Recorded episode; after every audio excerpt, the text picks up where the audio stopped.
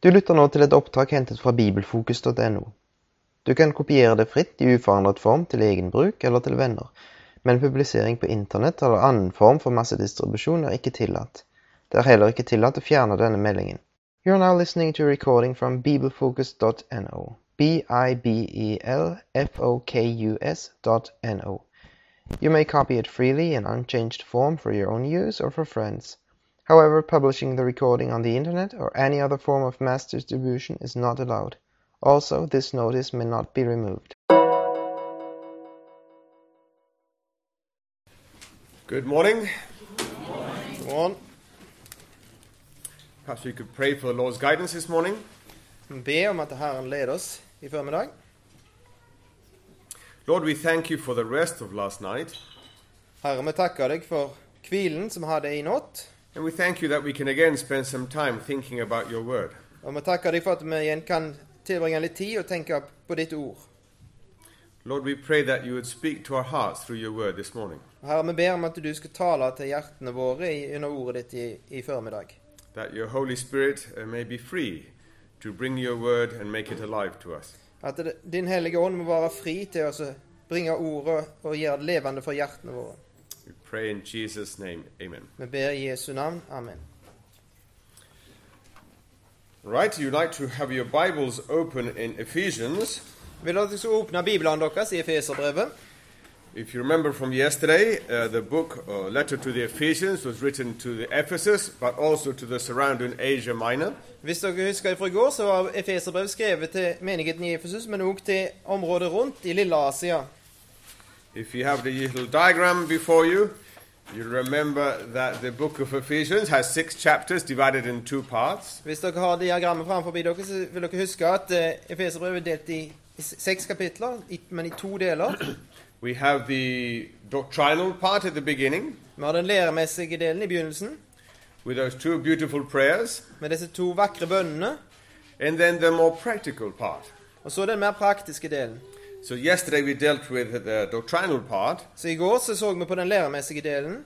And today I propose starting uh, the more practical side, the consequences of the doctrine. Og i dag så foreslår jeg at vi ser på den mer praktiske delen, på konsekvensen av, av læra.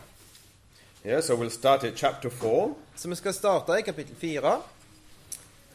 If you look at chapter 4, Hvis du s- ser på kapittel fire, verse 1, as a prisoner in the Lord, then, that word then, don't know, therefore, uh, Jeg formaner dere altså, jeg som er en fange for Herrens skyld. that word then or therefore is the link between the doctrinal chapters and the practical chapters. Altså dette altså her er, er koblingen imellom de læremessige kapitlene og de praktiske kapitlene. The therefore, he leads on to explain how this applies in daily life. Og etter dette altså så forklarer han da hva det betyr i det praktiske livet, dette. In the Old Testament, the general idea is you behave well and I will bless you. I Det gamle testamentet er den generelle tanken at dere oppfører dere fint, så skal jeg velsigne dere. The New Testament focus is different. Det nytestamentlige fokuset er annerledes. I have blessed you, therefore live up to your calling. Jeg har velsignet dere, derfor så skal dere leve opp til deres kall. Live up to, um, yeah, live worthy of your calling. Leve verdig deres kall. Now, before I go into this um, section, the practical section, uh, you and the body of Christ, Men før vi går inn til den praktiske delen, så handler det om deg og Kristi kropp. you'll see there's two main themes there. One is we're called to keep the unity of that body Og så er det to ting der. Det handler om å be- bevare enheten i denne kroppen, dette legemet, and to help build up that body. og, og hjelpe å bygge opp denne kroppen. But before I go there, I would like to spend some time on the Holy Spirit Men før vi går der, så vil jeg bruke litt tid på, på å snakke om Den hellige ånd. and why is because the book of Ephesians has quite a lot to say about the Holy Spirit. Hvorfor det? Jo, for Efeserbrevet har ganske mye å si om Den hellige ånd. It answers, it is a useful uh, letter to answer a number of questions we commonly pose about the Holy Spirit. Det er et nyttig brev for å svare på ganske mange vanlige spørsmål angående Den hellige ånd. For example, when does a person receive the Holy Spirit? For eksempel, hva tid mottar et menneske Den hellige ånd? Chapter 1, verse 13. Kapittel 1, vers 13. Perhaps you could read that verse 13. Ja. I ham har også dere, da dere fikk høre sannhetens ord, evangeliet om deres frelse, Ja, i ham også dere, da dere kom til troen, fått til innsegl Den hellige ånd, som var lovt. Having believed, you were marked with him with the seal, the promised Holy Spirit. Altså, da dere kom til troen, har har dere fått til innsegl Den hellige ånd, som var lovt. You hear or you read different ideas about this. Du vil høre eller lese forskjellige tanker om dette. Some suggest that you're a Christian and after a while you need to receive the Holy Spirit. Noen sier at du er en kristen, og så etter en stund så må du motta Den hellige ånd. But I think it's quite clear from Scripture that we receive the Holy Spirit, as it says there, when you believed. Men jeg tenker det er ganske klart ut ifra Skriften at du får Den hellige ånd, som det står her, et- når du er kommet til troen. In fact, this is a very important text. Faktisk er dette en voldsomt viktig tekst. If you um, like to keep your finger there a moment and just jump to Romans chapter 8, Hvis du heller fingeren der et øyeblikk, så hopper vi til Romerbrevet 8. I'd like to read a very also an important verse in Romans 8, verse 9. Så vil jeg jo lese et voldsomt viktig vers i Romerbrevet 8, vers 9. And you, however, are controlled not by the sinful nature, but by the Spirit, if you're the Spirit, if the Spirit of uh, God lives in you. And if anyone does not have the Spirit of Christ, he does not belong to Christ. Men dere er ikke i kjødet, dere er i ånden, så sant Guds ånd bor i dere. Men om noen ikke har Kristi ånd, da hører han ikke Kristus til. So it's, the idea of a Christian without the Spirit of God doesn't exist. You, if, you have this, if you don't have the Spirit of God, you're not a Christian. And we receive the Spirit of God when we believe. Så den tanken om at det ikke finnes kristne som ikke har Den hellige ånd, den, den eksisterer ikke i Bibelen. Hvis du ikke har Den hellige ånd, så er du, er du ikke en kristen, og du får ånden når du tror.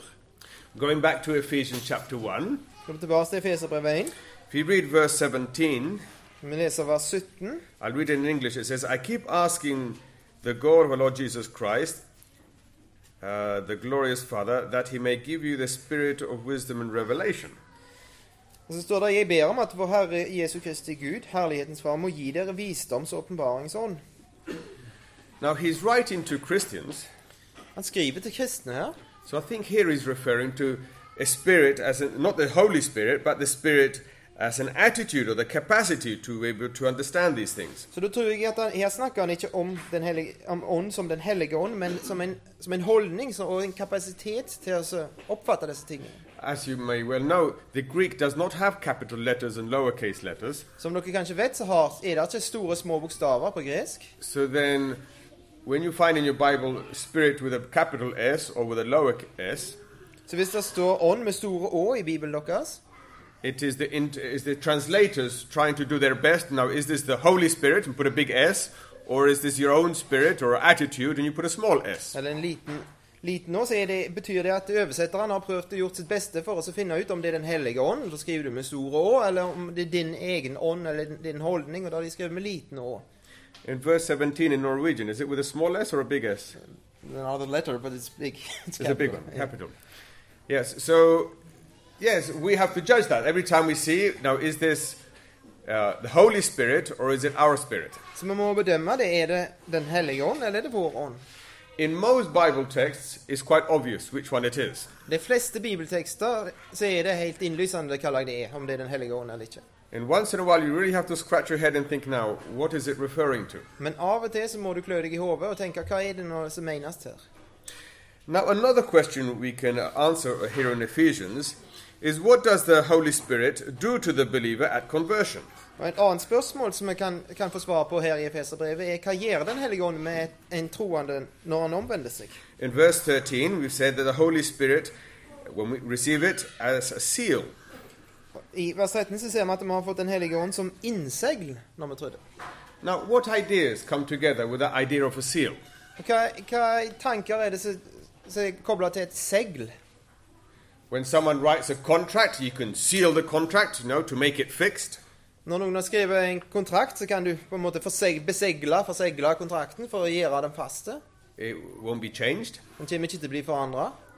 Sometimes the seal is used for ownership. You seal it to say, This is mine. Av og til så bruker du et segl for å vise eierskap. Du beseg- forsegler det, besegler det for at det skal være ditt. So the fact that we have received God's Spirit i- is, uh, is ownership, that we belong to God. Så det at vi har fått Den hellige ånd, det betyr eierskap, at vi hører til Gud.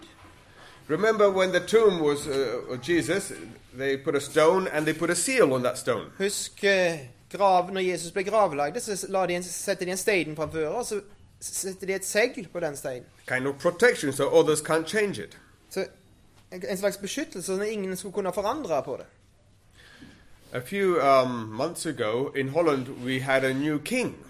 For noen måneder siden så fikk vi en ny konge i Nederland. William Alexander is the new king of Holland. I don't know if that news came across to Norway. William Alexander, den nye kongen i Nederland. Jeg vet ikke om det, den nyheten nådde Norge. Well, it was very important in Holland. I, uh, Den var ganske viktig i Nederland.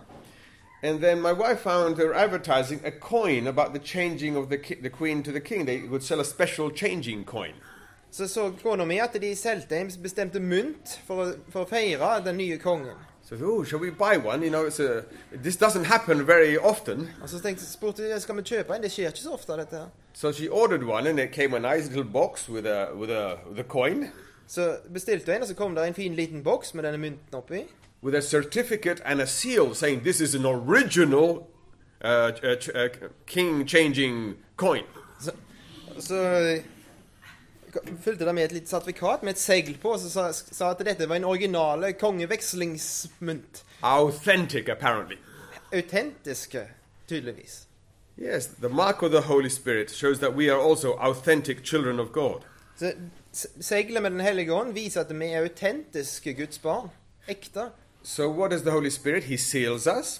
Så hva gjør Den hellige ånd? Jo, han forsegler, besegler oss. In verse 14, uh, he who is the Holy Spirit, who is a deposit guaranteeing our inheritance. Og I vers 14 han som er pantet på vår arv, eller som garanterer vår arv. So here is another idea that the Holy Spirit is a deposit.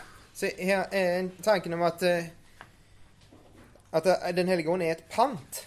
Now I've noticed in Europe when Christians go to Christian bookshops, they buy a Bible or a couple of books with their you know, their bank cards. Jeg har lagt merke til at kristne i Europa, når de går til en kristen bokhandel, kjøper de bibler eller bøker og betaler med kort. Now in Colombia it's quite often that pe- oh, usually people come with cash Og I Colombia så skjer det ganske ofte, eller vanligvis, at folk kommer med kontanter. and quite often not enough cash to buy the book. Og ganske ofte så har de ikke nok kontanter til å kjøpe boken. That's why I'm a very bad seller. Og Det er fordi jeg, det er fordi jeg er en voldsomt dårlig selger. Because if someone wants to buy a Bible for 50,000 pesos and only has 20, Men hvis, for hvis noen vil kjøpe en bibel til 50 000 pesos og bare har 20, I feel inclined, give me your 20 and take the Bible. You know, you, I'm glad you have it. så er jeg tilbøyelig til å si t- gi meg de 20 og gi- ta bibelen. Jeg er glad for at du får den. But that's not the way to do business. Men det er ikke måten du driver forretninger på. What they do, and you should do, is say, give me your 20 as a deposit, Men da sier de heller, og det du bør gjøre, det er å si gi meg de 20 som, en, pa- som et pant. yes, and Men we keep av- the Bible here apart, and then Of later on you bring another 10, another 20. When it's 50, you can take the Bible home. Og så heller vi bibelen her, og så, når du, så kan du komme når, etter hvert så du får penger. Og når du har betalt 50, så får du den med deg hit. A deposit is something it guarantees that shows you're serious about buying that book or doing that transaction. Et pant, det, det, det, det er et depositum. Det, det viser at du er, mener alvor med dette, og du vil ha denne boken. About three weeks ago, a young man gave my daughter a little ring, For ca. tre uker siden så gav en unge mann, datteren min, en, en liten ring. an engagement ring. En forlovelsesring. If you're interested, I'm sure she'd be very glad to show it to you. Hvis dere er interessert, så er jeg helt sikker på at du er glad for å vise den til dere. Now, the, it has the same idea of a deposit. Du har samme, samme tanken bak et, et pant. Not that he's buying the daughter. Ikke at han kjøper datteren. I, I wish it was so, but no, it's for free. Jeg skulle ønske det var sånt, men det er gratis, faktisk. But it's showing that he's serious. That yes, I'm. Uh, I'm, I- I'm sh- yeah, I'm depositing something that I would like to continue. Og det, men det viser det, det er en måte å vise at en mener alvor på. At jeg har, jeg har lagt igjen et pant, og det betyr at jeg vil fortsette med dette. The Holy Spirit is given to us by God as a deposit, showing things will continue. Og Den hellige ånd er gitt oss som et pant som viser at ting skal fortsette. Now, in chapter four, verse three, we find something else. Og I kapittel 4 vers 3 så finner vi noe annet. It says, "Make every effort to keep the unity of the Spirit through the bond of peace." Der står det å legge vind på å bevare åndens enhet i fredens samband. The Holy Spirit unites Christians. Den hellige ånd forener kristne. He unites them in one body. Han forener de i ett legeme, én kropp. In 1 Corinthians 12, we're told that we're all baptized by one Spirit into one body. I, i 1. Korinterbrev 12 så blir vi fortalt at vi alle er døpt i én ånd inn i ett legeme. That's another key text, 1 Corinthians 12 13. Det er en annen nøkkeltekst, 1. Korinterbrev 12, vers 13.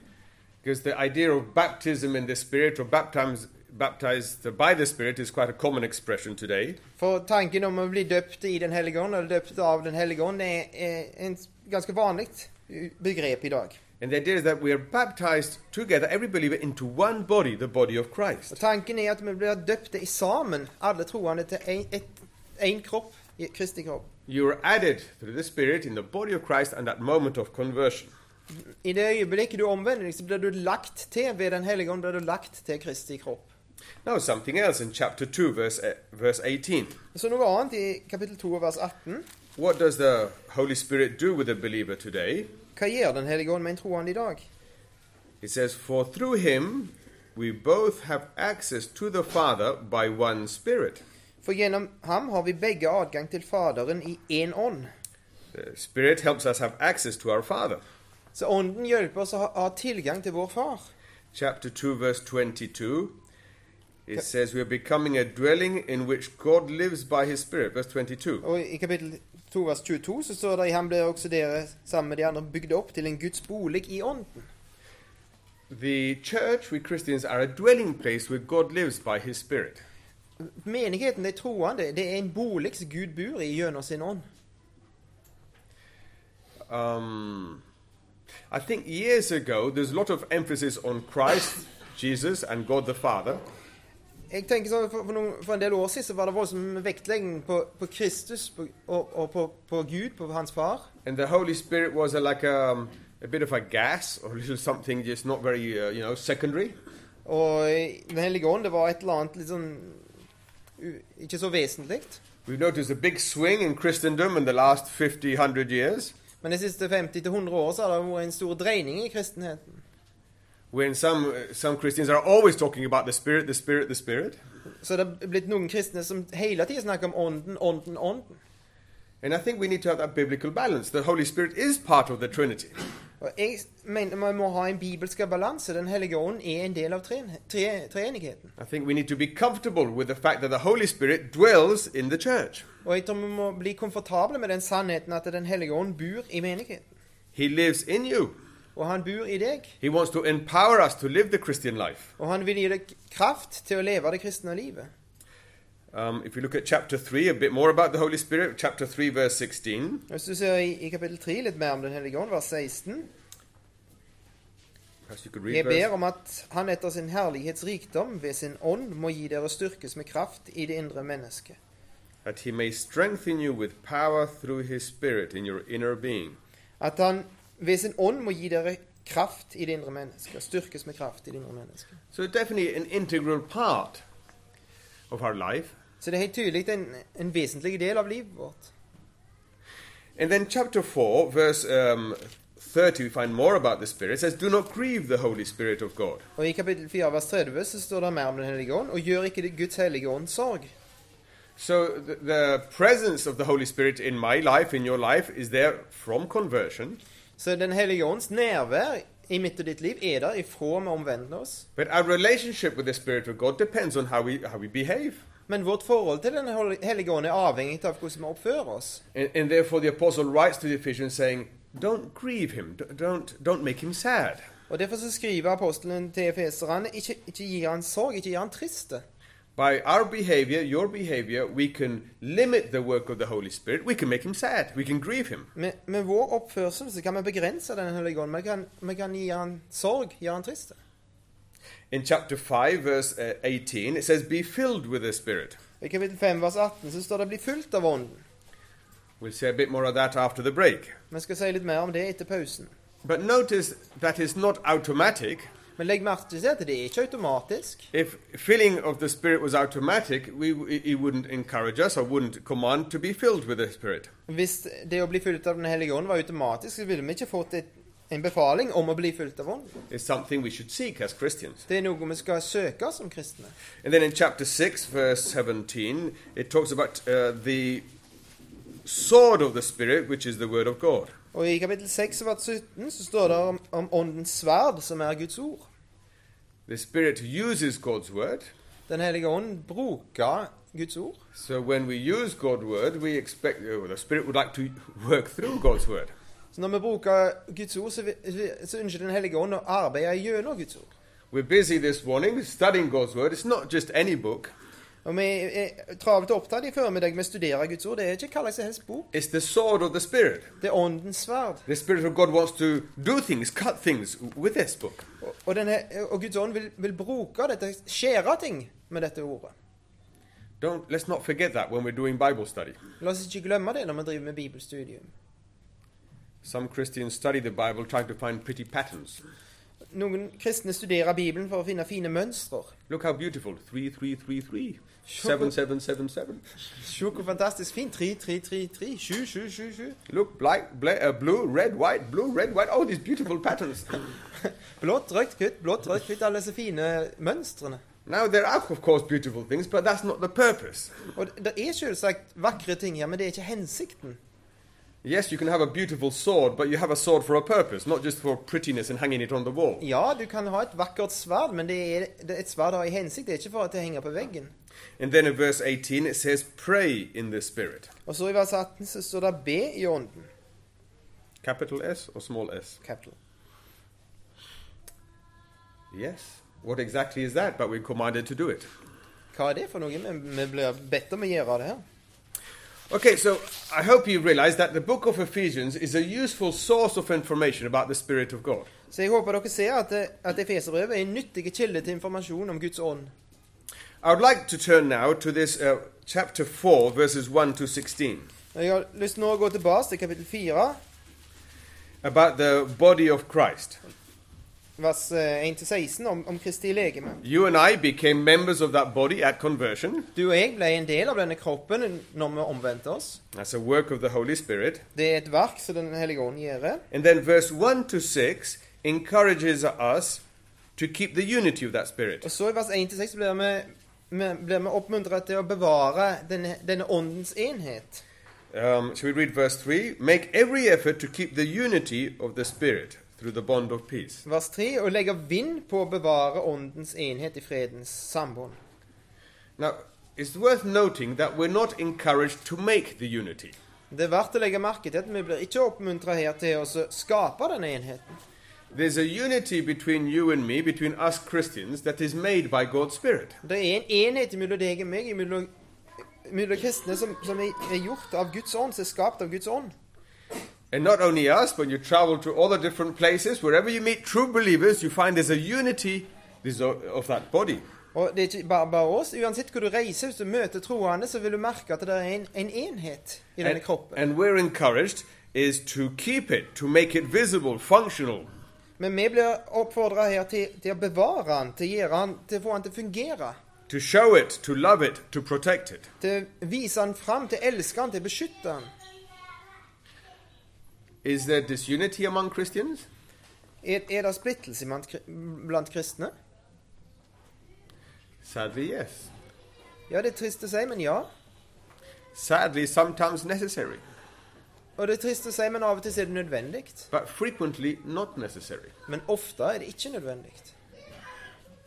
In your local church, is, can there be mis- disunity? I, I din lokale menighet kan det være splittelse der. Sometimes visible, and sometimes it's under the current. You feel it after a few months. Av og til så er det synlig, og av og til så er det en ondestrøm som du, du kjenner etter noen måneder. And here we are encouraged to make every effort to keep that unity. Og her står det at vi skal legge vind på, eller gjøre alt for å bevare åndens enhet. For å bevare den. And that's not just for the leaders or the elders of the church, that's for you, for me, each one to make an effort to promote that unity in the local church. Og det gjelder ikke bare lederne og de eldste, det gjelder hver enkelt av oss, du, det- du og jeg. At vi skal legge vind på å bevare den enheten. Now, in verses 2 and 3 of chapter 4, it gives us a number of virtues that help encourage that unity. Og i vers 2 og 3 så blir blir det vist fram en del gode egenskaper, gode ting, som, som hjelper å bevare den enheten. So, we're encouraged to cultivate the graces that help us to express unity. Så vi blir oppfordra til å kultivere disse her eh, nådige egenskapene som som- som hjelper oss å bevare denne enheten. Verse 2 Be completely humble. I vers 2 med all ydmykhet. Now, What is a humble person? Ja, Hva er en ydmyk person? Now, in Colombia, the word humble is used in different ways. Og I Colombia så blir ordet ydmyk brukt på forskjellige When måter. someone comes from a very poor neighborhood, a very poor house, Hvis noen kommer fra et fattigslitt område, et they say, oh, he fattigslitt comes hus, from a humble place. så sier de ja, om han at han kommer fra en ydmyk plass. They associate the word humble s- quite often with poor, dirty, you know, it's very humble. Så da blir ydmyk assosiert med fattigslikt, skjete. Dirtiness has nothing to do with humbleness. Men, men, men skjetenhet har ingenting med, med å gjøre med ydmykhet. Sometimes the best way is to look at the opposite. Av og til så er den beste måten å se på det, se på det motsatte. Have you ever met a proud person Har du noen gang møtt en stolt person who thinks a lot of him or for herself? som tenker voldsomt stort om seg sjøl eller he- henne? It Han eller henne. doesn't, it doesn't feel good, does it? Det føles ikke så godt, gjør det? Someone always trying to show how fantastic, how beautiful, how, you know, all these things I've done. It comes across Men noen som hele tiden prøver å vise hvor fantastiske og alle de flotte ting eh, de har gjort, og så videre. Det- Humbleness is attractive. Men ydmykhet er attraktivt. Det er tiltrekkende. It doesn't mean that they're always going to, you know, walking around with uh, "I'm nobody, I'm nobody." Det betyr ikke å gå rundt og si 'jeg er ingenting', 'jeg er ingenting'. No, there's a healthy balance there. Men det er en sunn balanse der. Our Lord Jesus is a picture of true humility. Vår Herre Jesus er et bilde på sann ydmykhet. He could show off because he'd done lots of things, Han g- kunne ha vist seg fram, for han hadde gjort ganske mye, but no, he was humble. men han var ydmyk. And humbleness is attractive. Og ydmykhet er tiltrekkende. I find it interesting that Jesus is the most perfect person who's ever walked this earth. Jeg syns det er interessant å tenke på at eh, vår Herre Jesus er den mest fullkomne personen som har gått på denne jorda. And sinners and prostitutes and people like that felt, felt themselves comfortable approaching Jesus. Og syndere og prostituerte syntes det var behagelig å være i nærheten av Jesus. There was something about Jesus that was attractive. He- They didn't feel judged. They, they, they felt they wanted to Det var, meet no, him. det var noe som var tiltrekkende med Jesus. De følte seg ikke dømte. De ville møte han. If you and I can cultivate that humbleness in our own heart, it would help in the unity in our local church. Og hvis vi kan, kan kultivere denne her ydmykheten i vårt eget hjerte, så vil det hjelpe til å, å bevare enheten i den lokale menigheten. Another virtue that follows is be um, uh, ge- um, humble, gentle, En annen dyd som som føler jeg, det er mildhet. or meekness. That's yes, Ja, Mild- mildness. mildness. Um, it's a bit like a horse. Horse. Yeah. Det, det er litt som en hest. We say a horse can be made meek, or uh, you know, it's, it's power which is being under under control. Nei, En, en hest den kan bli gjort milde, sier de på engelsk. Det, det er kraft som er under kon- styrke, som er under kontroll. By being meek, it doesn't mean that oh everything's okay, everything's okay. Det å være milde betyr ikke som å si at alt er ok, alt er i orden. I promote the unity in my church. Everything's okay, everything's okay. Jeg, jeg bevarer og fremmer enheten i menigheten. Alt er i orden, alt er bra. No, uh, there is power, there are limits, but they're under control. Nei, der er kraft, og der, der er grenser, men alt er under kontroll.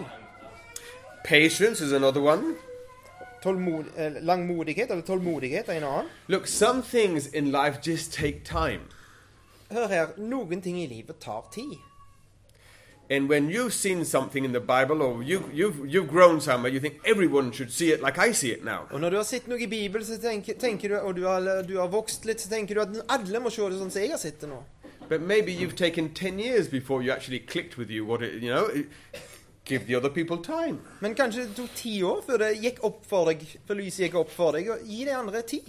A local church is full of people who are growing at different speeds and coming from different places. En lokale menighet er fullt av, full av mennesker som vokser i forskjellige hastigheter og kommer fra forskjellige utgangspunkt. And a bit of patience is necessary. Og litt tålmodighet er nødvendig. I notice with small children we're more patient because you know they're small. Og jeg har lagt merke til at med små unger så er vi mer tålmodige, for vi vet at de er små.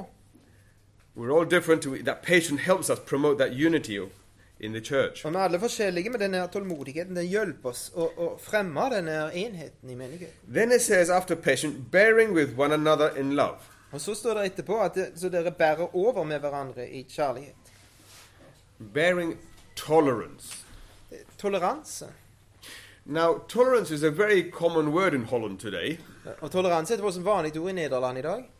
It is presented as a virtue for everyone. You need to be tolerant. Og Det blir fremstilt som en dyd for alle at du, du må være tolerant. But I do think that the word tolerant is changing in its meaning in time. Men jeg tror at eh, ordet toleranse har begynt å forandre betydning over tid. Before, the word tolerance had an, an idea that there is pain in, in supporting, in, um, in bearing with one another. Før så hadde det en, den, den, eh, en, en betydning av at det, det var smerte i, i det å bære over med hverandre. Now, the word tolerance is more like indifference. Yeah, I'm tolerant, it doesn't matter, you can do your thing. Men nå er det mer det at er toleranse mer likegyldighet. Og ingenting sier du kan gjøre det du har lyst til.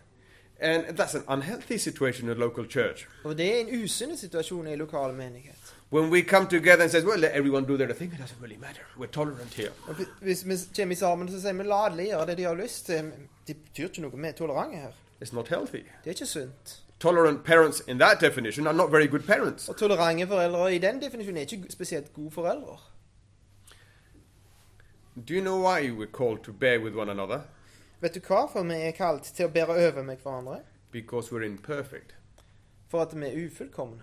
I don't think we'll have to bear with one another when we're in heaven. Jeg tror ikke vi kommer til å bære over, måtte bære over med hverandre når vi kommer til himmelen. That's only necessary for a few years on earth. Det er bare nødvendig til noen få år her på jorda. And we need to have that forbearance if we are to promote that unity. Og vi må ha denne her overbærenheten hvis vi skal fremme denne enheten. And then it says, make every effort. Og så står det her å legge vind på. That reminds me that promoting unity re- is work. It's, it's not just, it comes, you know, it requires effort. Eller gjøre alt for Det betyr at det bevarer for meg at det bevarer den enheten. Det krever arbeid. Det betyr innsats. To keep unity among your team of Sunday school teachers Å bevare enheten iblant teamet ditt av søndagsskolelærere, will require effort. det vil kreve innsats. To keep t- unity and harmony in a conference it requires a degree of effort. Og, og det å sk- bevare enhet og og harmoni i en, et stevne sånn som dette, det, det, det krever innsats. To have unity in your family with your wife, your children, or your grandmother, or your step, or your mother-in-law, all requires a degree of effort. Og det å ha enhet i, i familien og med, med bestemor og svigermor, det krever, alt det krever innsats. And we're encouraged to make every effort. Og vi blir oppmuntret til, til å gjøre all innsats, som står på- i hans bibel. So one thing that helps us practice this unity is to cultivate the graces. Så En ting som hjelper oss å praktisere denne enheten, det er å kultivere disse her gode egenskapene. And the second thing that helps us is to understand Christian unity. Og den andre tingen som hjelper oss, det er å forstå kristen enhet. In verse 4 to 6, Paul explains what this Christian unity is. I vers 4-6 for- forklarer Paulus hva denne kristne enheten er. He says there's only one body. Det er ett legeme, det er bare én kropp.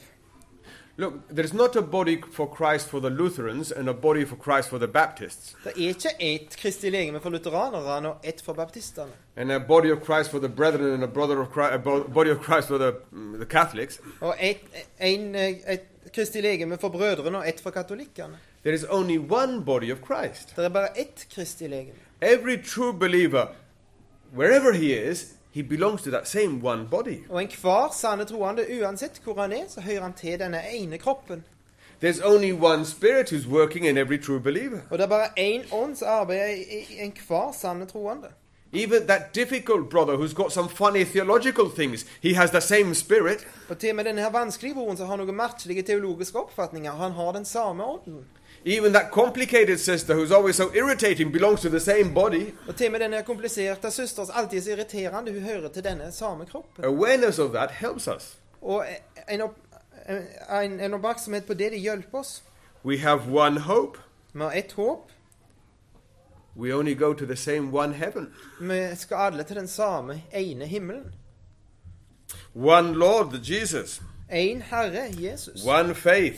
Én tru, One baptism. én dåp, One God and Father. én Gud og Far. These things remind us of that one unit, that unity. Og disse tingene minner oss på den enheten. I'm surprised how God loves variety. Jeg er overraska over hvordan Gud elsker variasjon. When you look at flowers, you see so many different colors and different shapes. Når du ser på blomster, så ser du så mange forskjellige farger og former.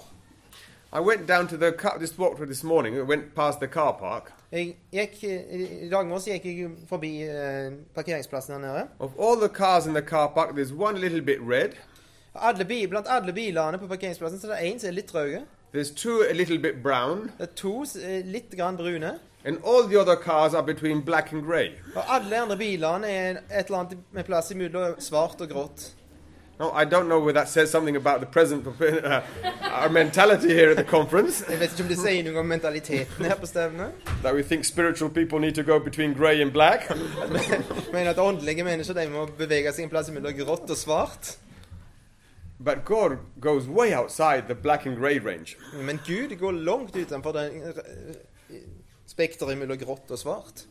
When God sat down to think about dogs, He made so many different dogs. Når Gud satte seg ned og tenkte på hunder, så lagde han all slags forskjellige hunder.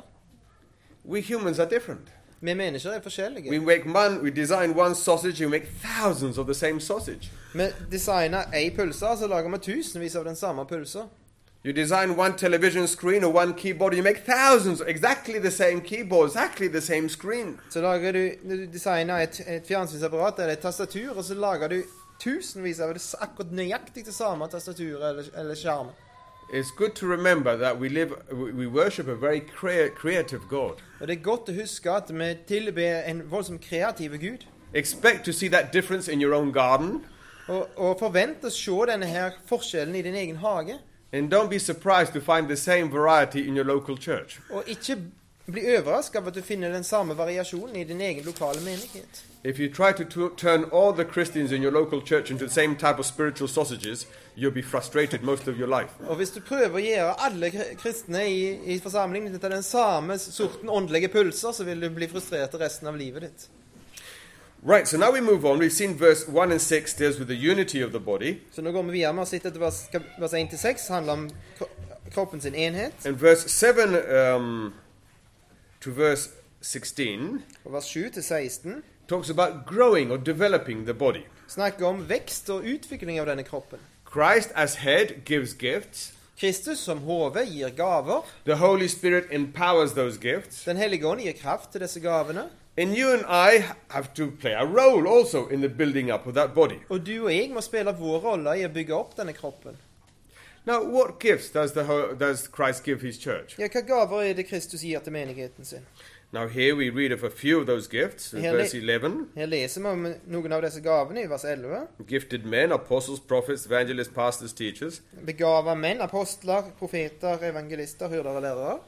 But in 1 Corinthians 12, we find a, a- a list of all of the gifts. I eh, 1. Korinterbrev 12 så fin- finner vi ei liste med, med mange gaver. In uh, Romans 12, we find another list of gifts. Og I Romerbrevet 12 finner vi en annen liste med gaver. The fact that these three different lists are different, Og det faktum at disse tre forskjellige listene er forskjellige, I s- suggest that they su- that means that these are not an exclusive list. There are more, more gifts which are not mentioned here. så vil jeg foreslå at det betyr at dette ikke er de alle gavene som finnes. Det er flere gaver enn de som er nevnt her.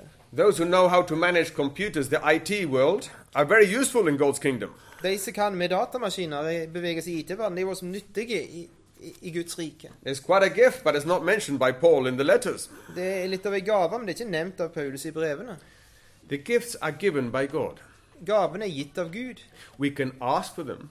Vi kan be om dem. We're encouraged to ask for gifts. Vi blir oppmuntra til å be om gaver. But it's the Spirit of God or Christ Himself who decides who gets what gifts. Men, men det, er, det er Guds ånd eller Kristus sjøl som bestemmer hvem som skal få hva slags gave. Why do you have a gift? Hvorfor har du ei gave? Each one of us has at least one, possibly more different gifts. Enhver av oss har, i hvert fall, har minst ei og kanskje me- flere gaver. Why has He given you and me gifts? Hvorfor har han gitt deg og meg gaver? To make money? For å tjene penger? You can use them to make money. Du kan bruke de til å tjene penger. To get a better house, Å få et bedre hus, a better car, eller en bedre bil, a better nest, et bedre reir. to live more comfortably. Leve mer komfortabelt. You can do that, but that's not the reason why you've been given a gift. Du kan gjøre det, men det er ikke, derfor du, det er ikke grunnen til, til at du blir gitt ei gave. The reason you and I have been given gifts is to build up the body of Christ. Men grunnen til at du- du og jeg har fått disse gavene, er for å bygge opp kroppen til Kristus. They are not toys, Det er ikke leketøy, They're not weapons, det er ikke våpen, they are tools to build up the body. men de er verktøy for å bygge opp kroppen. Now, some may ask, yeah, good, but then what is my gift? And how do I know? Og så stiller noen spørsmål ja, men hva er min gave, hvordan vet jeg det?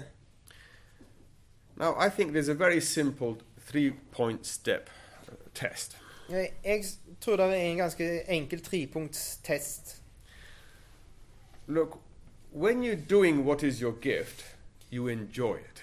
N- Når du gjør det som er de gaver, så gleder du deg over det.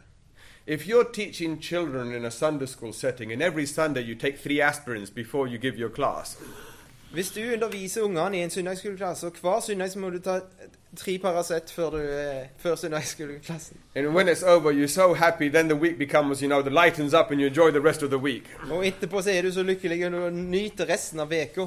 I can say quite confident that teaching children is not your gift. Så kan jeg si med ganske stor sikkerhet at det, og det å undervise unger er ikke de gaver. Because when you're doing your gift, there is a sense of joy and satisfaction in what you're doing. For når du gjør det som er de gaver, så er det en, en følelse av glede og tilfredsstillelse i å gjøre det. The second point is that when you're doing your gift, there's usually joy in those who are receiving the benefit from your gift. Og det andre er at når du utøver de gaver, så er det som regel glede Gleder ikke de som, som nyter godt av gaven din. If you think your gift is singing and you enjoy singing, Hvis du mener at de gaver er å synge, og du gleder deg over å synge, but everybody else has to take aspirins before you sing, men alle andre må ta, må ta, ta hovedverk- hovedpinetabletter før du synger, then perhaps you have to look elsewhere for your gift. så kan det hende at du må kikke deg litt rundt en annen plass etter gaven din. And that's good to remember because some, some brothers like teaching, but no one understands them. For det, og det er godt å huske på, for noen brødre liker å undervise, men det er ingen som forstår dem. But they're convinced that, yes, I need, but everyone hasn't got a clue what he's talking about. De er overbevist om ja, dette må jeg gjøre, men ingen har en, eneste, har en anelse om hva det er de snakker om. Be open to feedback to see i- i- is it uh, is it being accepted. Vær åpen for feedback. Blir dette tatt imot? You can look at the face of children to see whether they're enjoying uh, that, that teacher. Du kan se på ansiktene til ungene. Liker de denne, her, under, denne læreren? And the third point is that it's building the body up. Og det tredje punktet er at det bygger opp legemet, kroppen. You can have a clown in a church Du kan ha en klovn i menigheten who en- enjoys making jokes, som nyter å, å, å slå vitser. and people enjoy listening to jokes, Og folk lik- liker å lytte til vitser, but it doesn't build anybody up. men det bygger ingen opp. So you enjoy it yourself, others enjoy it, and it's building the body up. Så du gleder deg over det, andre gleder seg over det, og det bygger opp kroppen.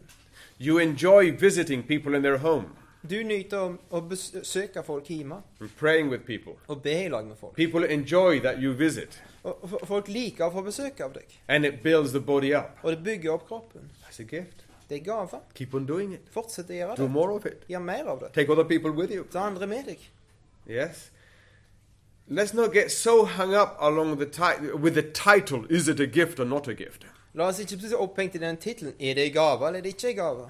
I don't know if I'm a teacher or if I'm an evangelist. I, I, I lay awake, think, stressed about this. Jeg vet ikke om jeg er en lærer eller evangelist. Jeg ligger vaken og stressa. Hva er jeg egentlig? Don't get stressed. Just do it. Ikke bli stressa, bare gjør det. And the body of Christ builds up. Og Kristi legeme blir bygd opp. We see in verse 13 some signs of this growth. Og vi ser i vers 13 noen tegn på denne veksten. It talks about uh, reaching the fullness of Christ. Det, det, det er snakk om å nå aldersmålet for Kristi fylde. When you or when a Christian community is growing, we're becoming more like Jesus. Når du eller et kristent fellesskap vokser, så blir vi mer lik Jesus. In many books about church growth, it's focused on statistics or numbers, Mange bøker om krist kirkevekst er er fokuserte på statistikk og på tall. it's not wrong in itself. The Bible has lots of numbers, Og det er ikke galt i seg selv, Bibelen er full av tall. but that's not the only way to grow. Men det er ikke den eneste måten å vokse på. Yes, we can grow this way or we can grow upwards. There are different ways to grow. Vi kan vokse denne veien, men vi kan vokse oppover. Det er forskjellige måter å vokse på. And a key way to grow is in Christ likeness. Og en nøkkelmåte å vokse på, det er å vokse i, i likhet av m- Bli likere Kristus.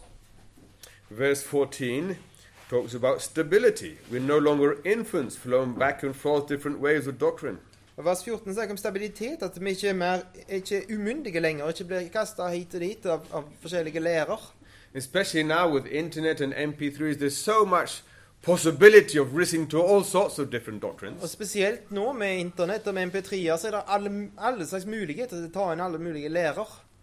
Christianity goes through modas, through modes, or through phases, Kristenheten den beveger seg gjennom faser, and we have to be careful not to be keep on swinging with all these different things. og vi må va- passe på at vi ikke blir revne med av alle disse her, eh, vindene og bølgene. Yes, open to learn and open to growth. That's important. Ja, vi skal være åpne for å lære og åpne for vok- vekst. Det er But uh, a viktig. growing person, a growing church, is more like Jesus. Also, becomes stable. Men ei, ei veksende menighet, en veksende person som blir, som blir mer lik Kristus, han blir òg mer stabile. Verse 15, another characteristics of a growing person or a growing uh, church is speaking the ability to speak the truth in love. En annen, kar- et annet karaktertrekk med en, en, en som blir mer lik Jesus, er at han i- blir i stand til å s- si sannheten i kjærlighet. Notice the connection, truth in love. Legg merke til forbindelsen sannheten i kjærlighet. Look, sometimes there's a problem in a local church and we all know it but no one wants to say it. Av og til så er det sånn at det er et problem i lokale menigheter. Alle vet det, men ingen vil si det. That's not healthy. Det er ikke sunt.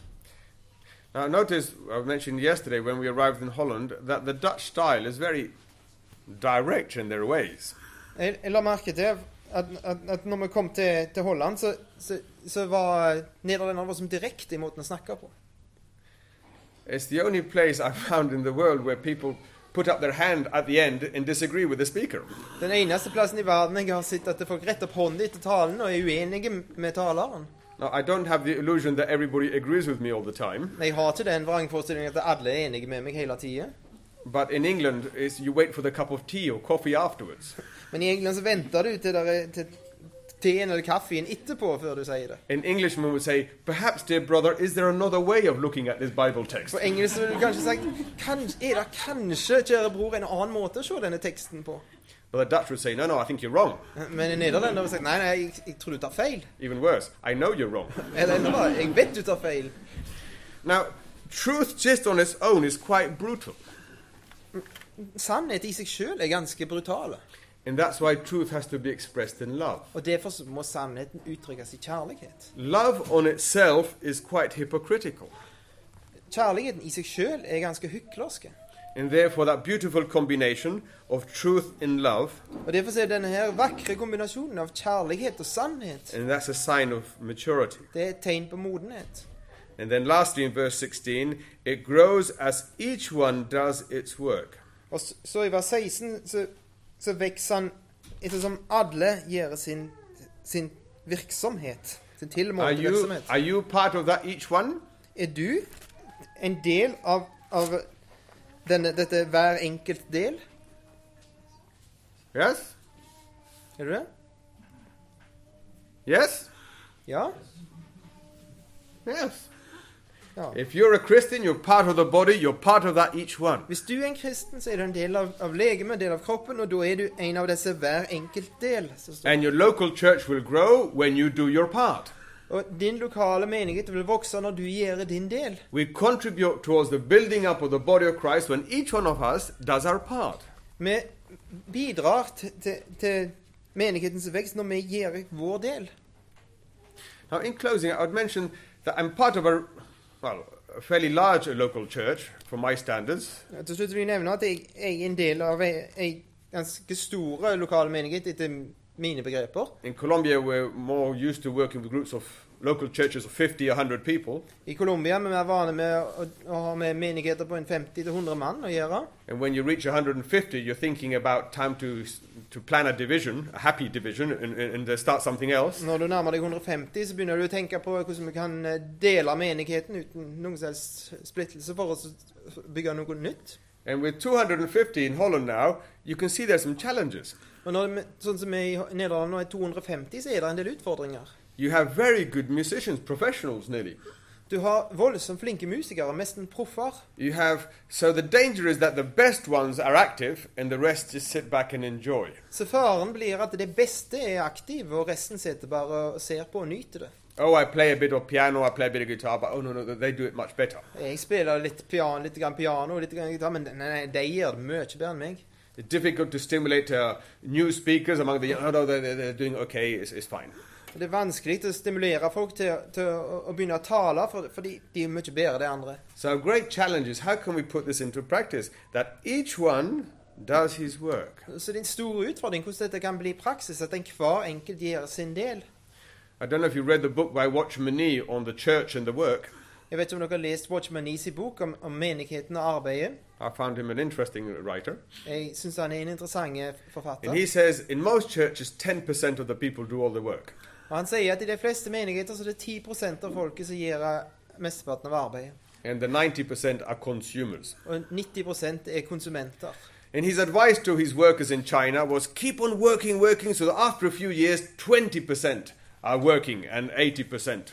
Og hans råd var å fortsette jobb og jobb med dette, her, sånn at etter en stund, etter noen år, så er det 20 som gjør jobben. And then keep at it until 30% are doing something. Og så fortsetter jobben etter 30 gjør noe. And when you've reached 50%, Og når du har nådd 50 you've done half the job. Keep at it. har du gjort halve jobben allerede, så fortsett. There's a job for everyone in the local church. Det er en jobb for alle, for hver enkelt i den lokale meningen. And may we all be encouraged to make our contribution. Og måtte vi alle bli oppmuntret til å gi vårt bidrag. Time to conclude. Og det er tid å, å slutte nå. We started off by looking at the Holy Spirit. Vi begynte med å se på Den hellige ånd. Yeah, there's a number that we should not grieve the Holy Spirit, Blant annet med at vi ikke skulle gjøre Den hellige ånd sorg. that we have the Holy Spirit, At vi har Den hellige ånd. and we're called to be filled with the Holy Og Spirit. at vi blir kalt til å bli fylt med Den hellige ånd. And then we've looked at the first part of chapter 4, where it talks about the unity of the Spirit, Og så har vi sett på den første delen i kapittel 4, når det er snakk om Den hellige ånds enhet. that we should work at keeping, at fomenting that unity. Og at vi skal måtte arbeide på å, å, å kultivere den enheten. And that the body needs to grow, At denne kroppen må veks, trenger å vekse. and dette that you legemet. and I can work together to help that body grow. Og at du og jeg kan, gi- i sammen kan hjelpe av- til vekst, og bidra til veksten til denne kroppen. May the Lord help us. Må Herren hjelpe oss. After the break, we'll continue with chapter 4. Og etter pausen skal vi fortsette med kapittel 4. Thanks.